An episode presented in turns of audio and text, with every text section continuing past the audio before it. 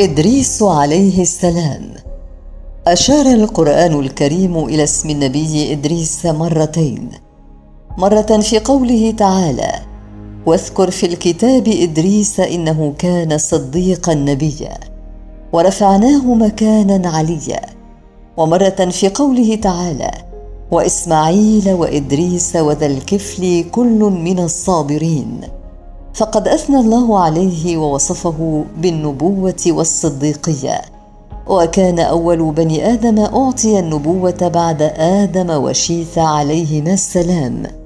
فهو بذلك ثالث أنبياء الله تعالى في الأرض. وإدريس عليه السلام هو خنوخ بن يرد بن مهلائيل بن قينان بن آنوش بن شيث بن آدم عليه السلام. وهذا ما عرف من نسبه ولا يقين فيه. بيد أن المعلوم عنه قربه من فترة آدم وقد يكون بينهم خمسة أشخاص فقد ولد ليرد إدريس عليه السلام فنبأه الله عز وجل وقد مضى من عمر آدم ستمائة سنة واثنان وعشرون. وتوفي آدم بعد أن مضى من عمر أخنوخ ثلاثمائة سنة وثمانية سنين. فهو بذلك يكون زمانه قبل زمان نوح عليه السلام. وعن ابن عباس قال في زمان يرد عملت الأصنام ورجع من رجع عن الإسلام. ثم بعث الله إدريس إلى جميع أهل الأرض في زمانه وجمع له علم الماضين. وقد أنزل الله عليه ثلاثون صحيفة فأخذ يدعو إلى عبادة الله وحده وعدم الشرك به وما ترك أحدا في الأرض إلا وعلمه الخير وأمره بالمعروف ونهاه عن المنكر.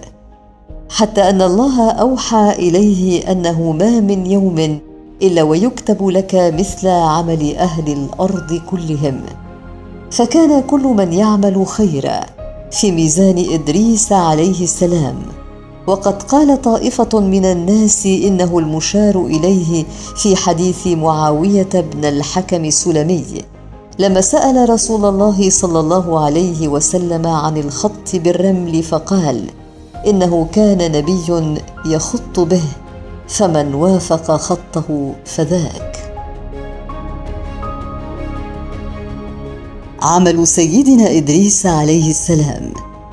سمي سيدنا إدريس بهذا الاسم نسبة إلى كثرة دراسته ومدرسته للكتب السماوية التي كانت تعلمه الملائكة عند اختياره نبيا من أنبياء الله تعالى. فكان أول من خط بالقلم وتعلم الكتابة وعلمها لقومه. فكان هو أول من استخدم واخترع أدوات الكتابة وتعلم عليه السلام الكثير من العلوم مثل علم النجوم وحركة الكواكب وعلم الفلك والحساب. وتعلم أيضا اثنتين وسبعين لغة وهي عدد اللغات التي كان يتحدث بها الناس في زمانه. كان إدريس عليه السلام أول من امتهن واكتشف الخياطه فكان هو أول من خاط بالإبرة ودرز الثياب. فالناس قديما يلبسون جلود الحيوانات فكان عليه السلام هو من يصنع الملابس من الصوف بعد غزله ثم يخيطها بالإبرة ثم يعلمها للناس. فبهذا كانت الخياطة مهنته الرئيسية. بعد مهنة النبوة وإرشاد الناس لطريق الحق.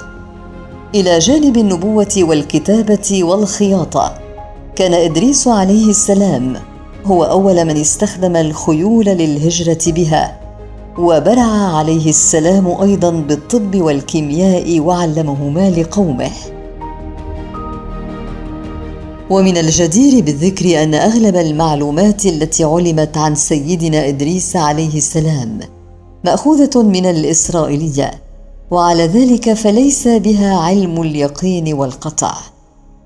وفاته أوحى الله إلى إدريس أني أرفع لك كل يوم مثل جميع عمل بني آدم. فأحب إدريس أن يزداد عملا. فأتاه خليل له من الملائكة فقال له إن الله أوحى إلي أنه يرفع لي كل يوم مثل جميع عمل بني آدم. فكلم ملك الموت فليؤخرني حتى أزداد عملا. فحمله بين جناحيه ثم صعد به إلى السماء. فلما كان في السماء الرابعه لاقاهم ملك الموت. فكلمه في الذي كلمه فيه إدريس. فقال وأين إدريس؟ فقال هو ذا على ظهري. قال ملك الموت. فالعجب بعثت فقد قيل لي اقبض روح إدريس في السماء الرابعة. فجعلت أقول كيف أقبض روحه في السماء الرابعة وهو في الأرض؟ فسأله ذلك الملك. كم بقي من عمره؟ فقال إنك لتسألني عن رجل ما بقي من عمره إلا طرفة عين. فنظر الملك إلى تحت جناحه حيث إدريس. فإذا هو قد قبض أي أن ملك الموت قد استل روحه. عليه السلام. فلذلك قوله عز وجل ورفعناه مكانا عليا فهو كما ثبت في الصحيحين في حديث الإسراء أن رسول الله صلى الله عليه وسلم مر به وهو في السماء الرابعة وقال أهلا بالأخ الصالح والنبي الصالح. لكن من هو أول من عبد في الأرض من دون الله؟ ومن هو أول رسول أرسله الله الأرض؟ وكيف استمر يدعو قومه ألف سنة إلا خمسين عاما؟ هذا ما سنتعرف عليه في الحلقة المقبلة إن شاء الله.